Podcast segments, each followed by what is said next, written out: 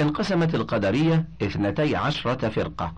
الأحمرية وهي التي زعمت أن شرط العدل من الله أن يملك عباده أمورهم ويحول بينهم وبين معاصيهم.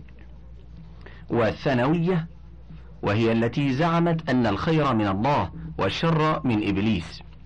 والمعتزلة هم الذين قالوا بخلق القرآن وجحدوا الرؤية. والكيسانية هم الذين قالوا لا ندري هذه الأفعال من الله أم من العباد ولا نعلم أيثاب الناس بعد الموت أو يعاقبون. والشيطانية قالوا إن الله لم يخلق شيطانا والشريكية قالوا إن السيئات كلها مقدرة إلا الكفر. والوهمية قالوا ليس لأفعال الخلق وكلامهم ذات ولا للحسنة والسيئة ذات. والراوندية قالوا كل كتاب أنزل من الله فالعمل به حق ناسخا كان أو منسوخا. والبترية زعموا أن من عصى ثم تاب لم تقبل توبته. والناكثية زعموا أن من نكث بيعة رسول الله صلى الله عليه وسلم فلا إثم عليه.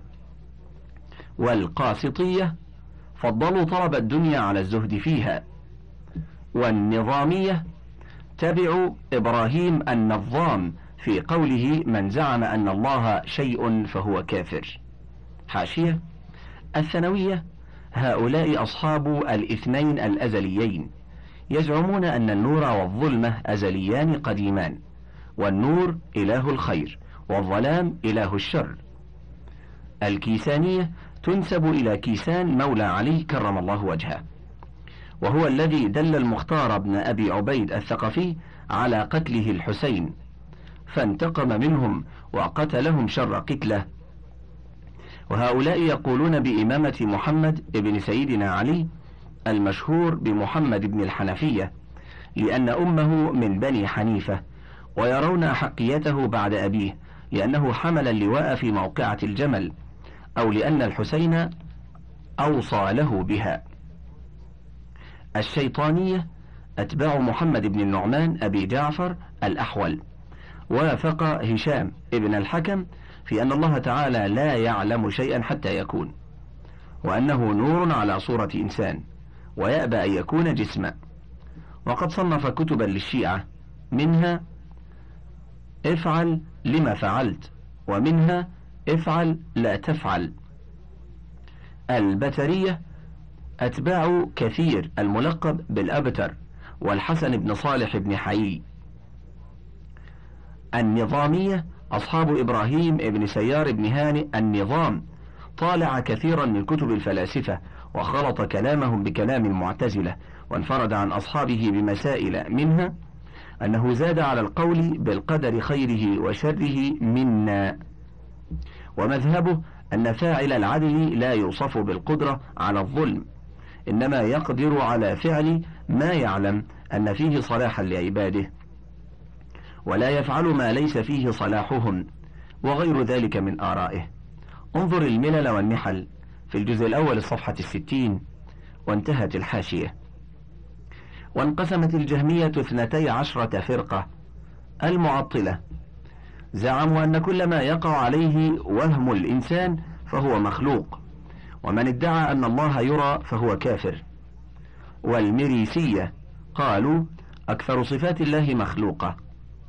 والملتزمة جعلوا الباري سبحانه وتعالى في كل مكان. والواردية قالوا لا يدخل النار من عرف ربه ومن دخلها لم يخرج منها أبدا.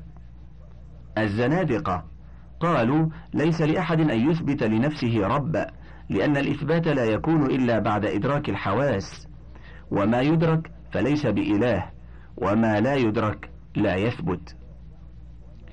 والحرقية زعموا أن الكافر تحرقه النار مرة واحدة ثم يبقى محترقا أبدا لا يجد حر النار.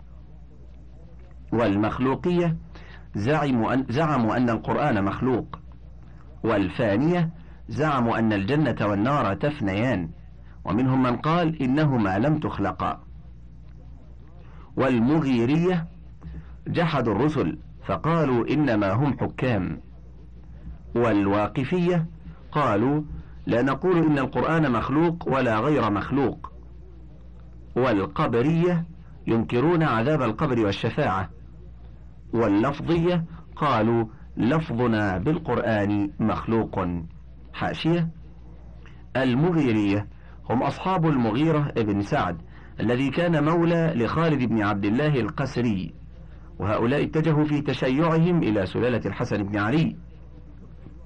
وفرقة المغيرية فرع من المحمدية الذين ينتظرون محمد بن عبد الله بن الحسن بن الحسن بن علي رضي الله عنه المعروف بمحمد النفس الزكية الذي استولى على مكة والمدينة في مستهل الدولة العباسية.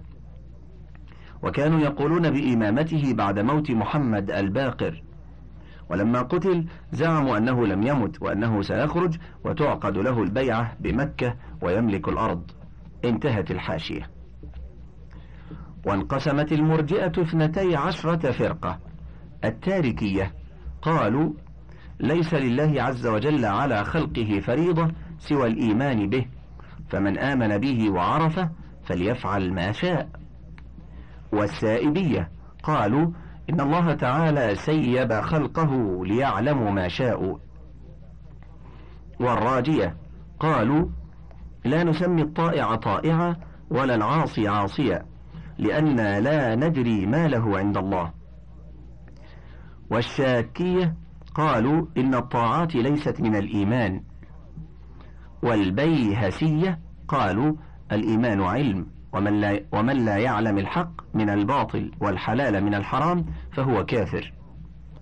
والمنقوصية قالوا الإيمان لا يزيد ولا ينقص والمستثنية نفوا الاستثناء في الإيمان والمشبهة يقولون لله بصر كبصري ويد كيدي والحشوية جعلوا حكم الأحاديث كلها واحدا فعندهم إن تارك النفل كتارك الفرض والظاهرية وهم الذين نفوا القياس والبدعية أول من ابتدع الأحداث في هذه الأمة وانقسمت الرافضة اثنتي عشرة فرقة العلوية قالوا إن الرسالة كانت إلى علي وإن جبريل أخطأ والأمرية والأمرية قالوا إن عليا شريك محمد صلى الله عليه وسلم في أمره. والشيعة قالوا إن عليا رضي الله عنه وصي رسول الله صلى الله عليه وسلم ووليه من بعده وإن الأمة كفرت بمبايعة غيره. والإسحاقية قالوا إن النبوة متصلة إلى يوم القيامة وكل من يعلم علم أهل البيت فهو نبي. والناووسية قالوا إن عليا أفضل الأمة فمن فضل غيره عليه فقد كفر. والإمامية قالوا لا يمكن أن تكون الدنيا بغير إمام من ولد الحسين وإن الإمام يعلمه جبرائيل فإذا مات بدل مكانه مثله. وإن الإمام يعلمه جبرائيل فإذا مات بدل مكانه مثله. واليزيدية قالوا إن ولد الحسين كلهم أئمة في الصلوات فمتى وجد منهم أحد لم تجز الصلاة خلف غيره برهم وفاجرهم. والعباسية زعموا أن العباس كان أولى بالخلافة من غيره. والمتناسخة قالوا إن الأرواح تتناسخ فمتى كان محسنا خرجت روحه فدخلت في خلق تسعد بعيشه. ومن كان مسيئا دخلت روحه في خلق تشقى بعيشه. والراجعية زعموا أن عليا وأصحابه يرجعون إلى الدنيا وينتقمون من أعدائهم. واللاعية الذين يلعنون عثمان وطلحة والزبير ومعاوية وأبا موسى وعائشة وغيرهم رضي الله عنهم.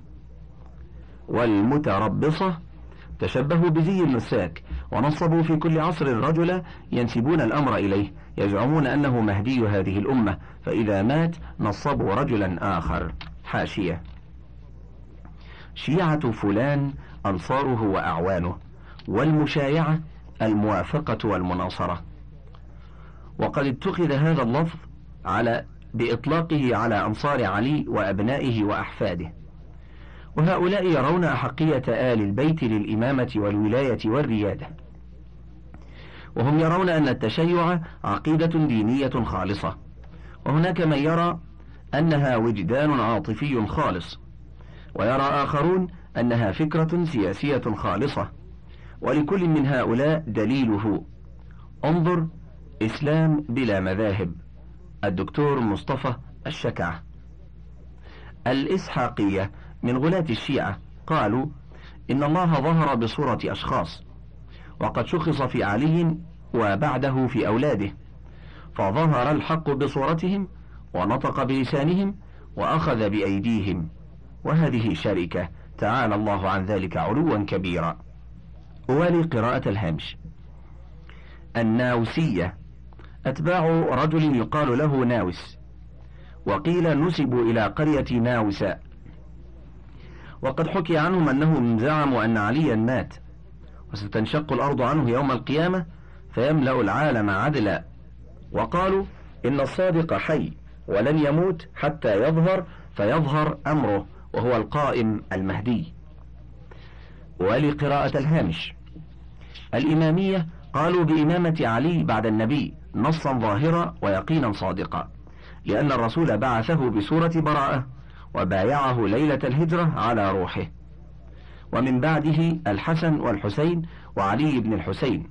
ثم اختلفوا بعد ذلك اختلافا كثيرا. انتهت الحاشية.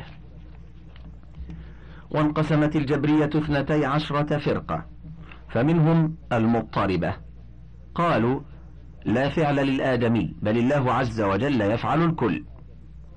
والأفعالية. قالوا لنا أفعال ولكن لا استطاعة لنا فيها.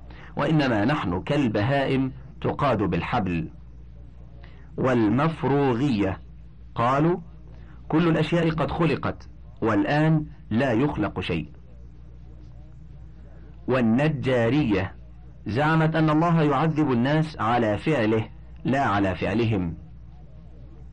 والمتانية قالوا عليك بما خطر بقلبك فافعل ما توسمت بالخير. والكسبية. قالوا لا يكسب العبد ثوابا ولا عقابا. والسابقية قالوا من شاء فليعمل ومن شاء لا يعمل فإن السعيد لا تضره ذنوبه والشقي لا ينفعه بره. والحبية قالوا من شرب كأس محبة الله عز وجل سقطت عنه الأركان والقيام بها.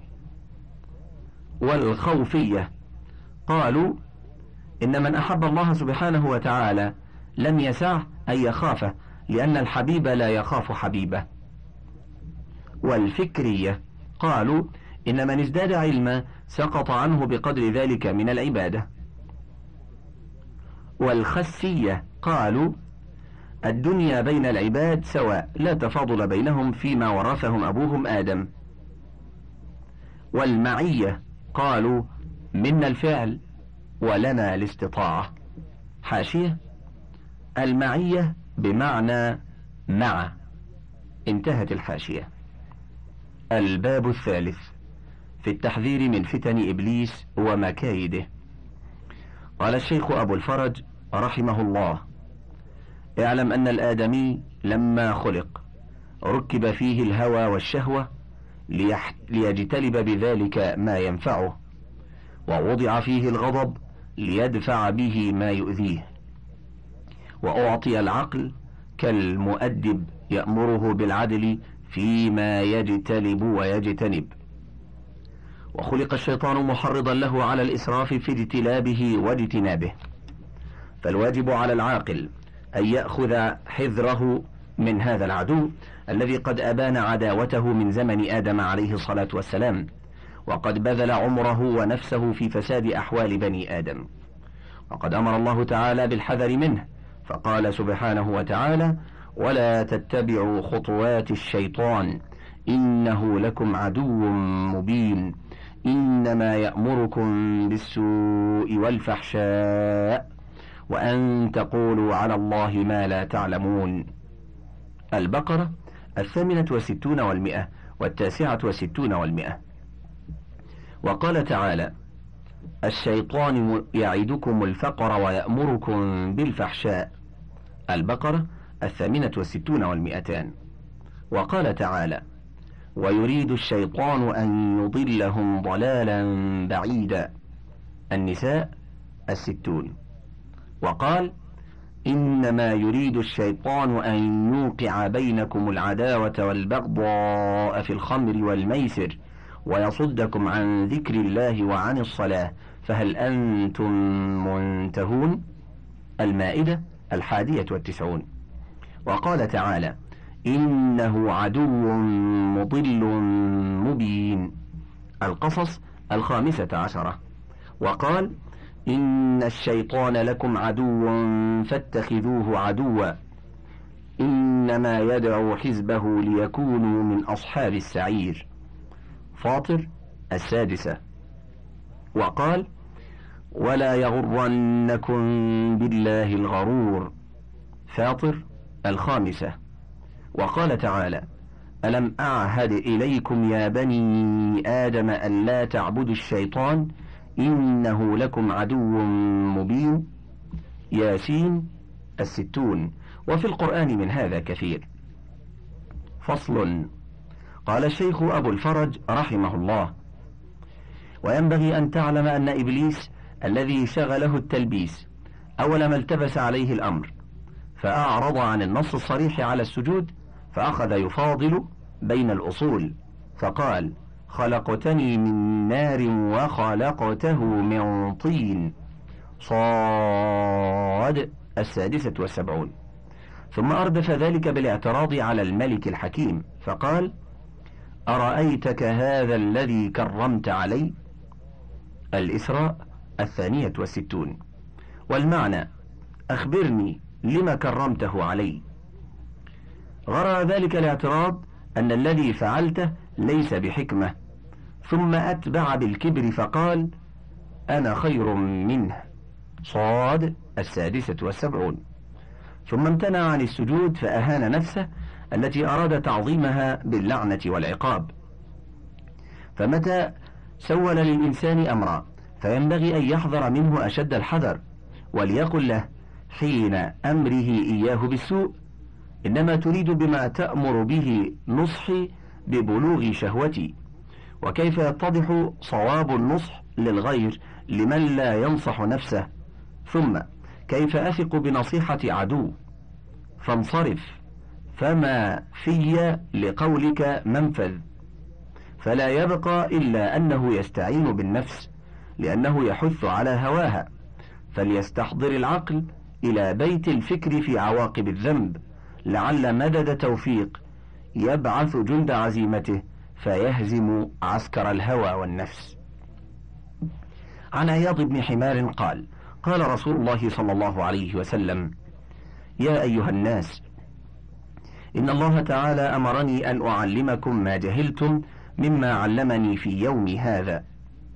إن كل مال نحلته عبدي فهو له حلال وإني خلقت عبادي حنفاء كلهم. فأتتهم الشياطين فاجتالتهم عن دينهم. وأمرتهم أن يشركوا بي ما لم أنزل به سلطانا. وإن الله تعالى نظر إلى أهل الأرض فمقتهم عربهم وعجمهم إلا بقايا من أهل الكتاب. حاشية صحيح. مسلم في الجنة وصفة نعيمها وأهلها. باب الصفات التي يعرف بها في الدنيا أهل الجنة وأهل النار. الصفحة الثالثة والستون. وأحمد في المسند في الجزء الرابع الصفحة الثانية والستين والمئة.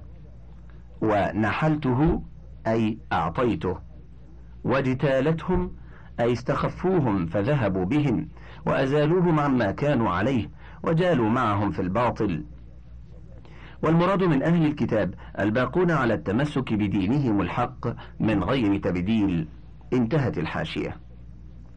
وعن عياض بن حمار أن النبي صلى الله عليه وسلم خطب ذات يوم فقال في خطبته إن ربي إلى آخر الحديث المتقدم.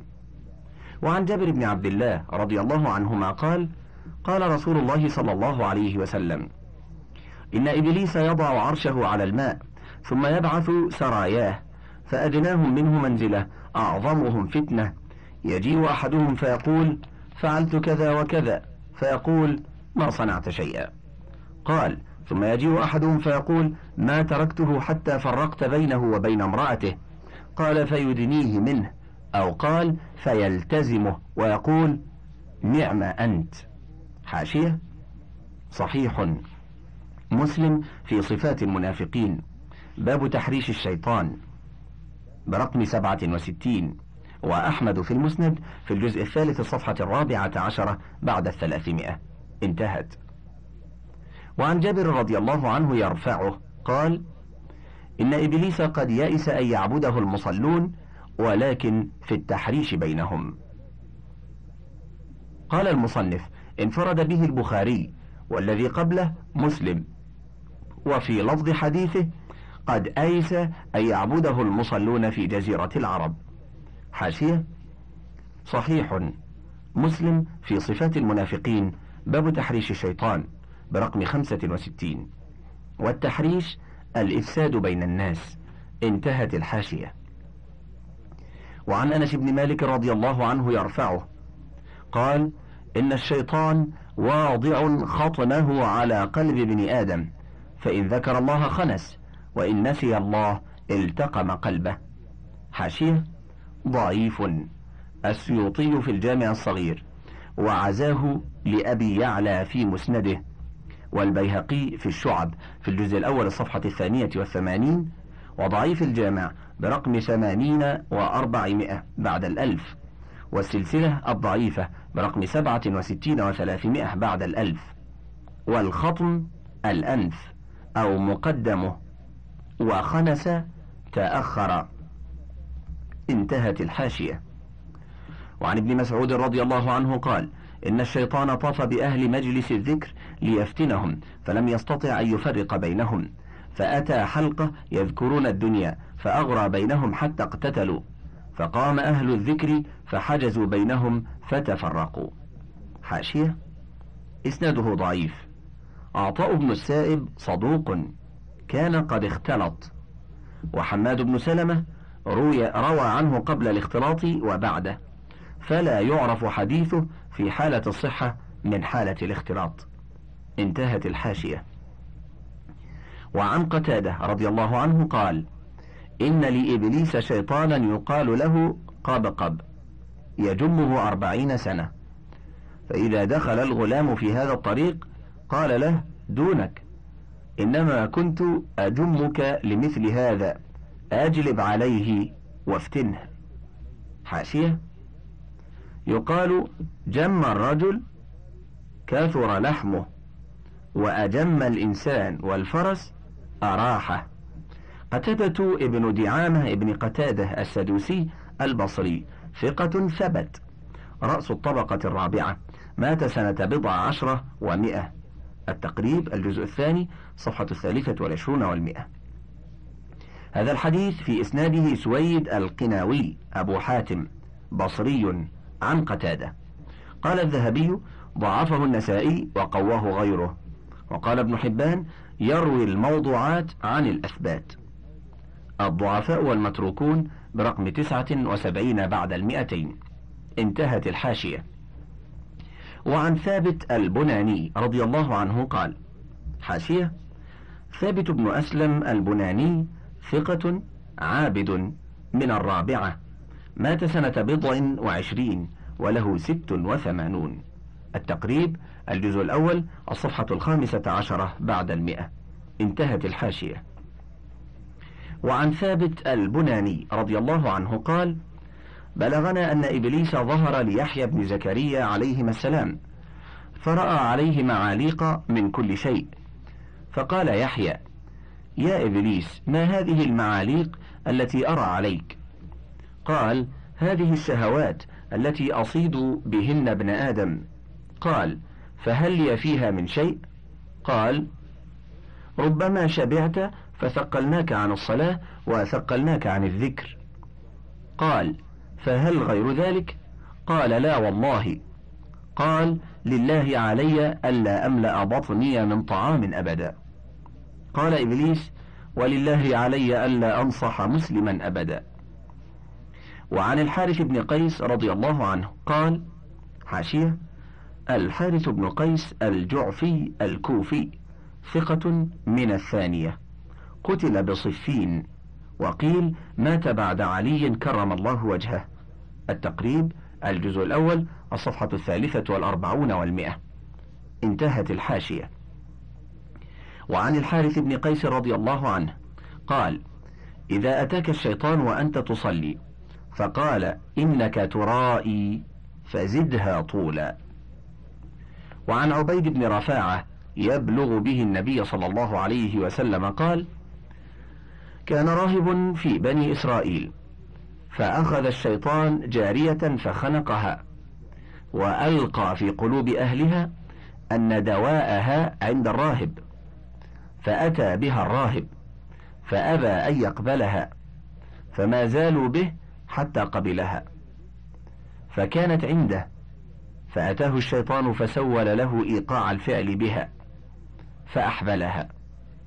ثم أتاه فقال له الآن تفتضح. يأتيك أهلها فاقتلها. فإن أتوك فقل ماتت. فقتلها ودفنها. فأتى الشيطان أهلها. فوسوس لهم. وألقى في قلوبهم أنه أحبلها ثم قتلها ودفنها. فأتاه أهلها يسألونه عنها فقال ماتت. فأخذوه. فأتاه الشيطان. فقال أنا الذي ضربتها وخنقتها وأنا الذي ألقيت في قلوب أهلها وأنا الذي أوقعتك في هذا فأطعني تنجو. أسجد لي سجدتين. فسجد له سجدتين. انتهى الشريط الثاني وللكتاب بقية على الشريط التالي.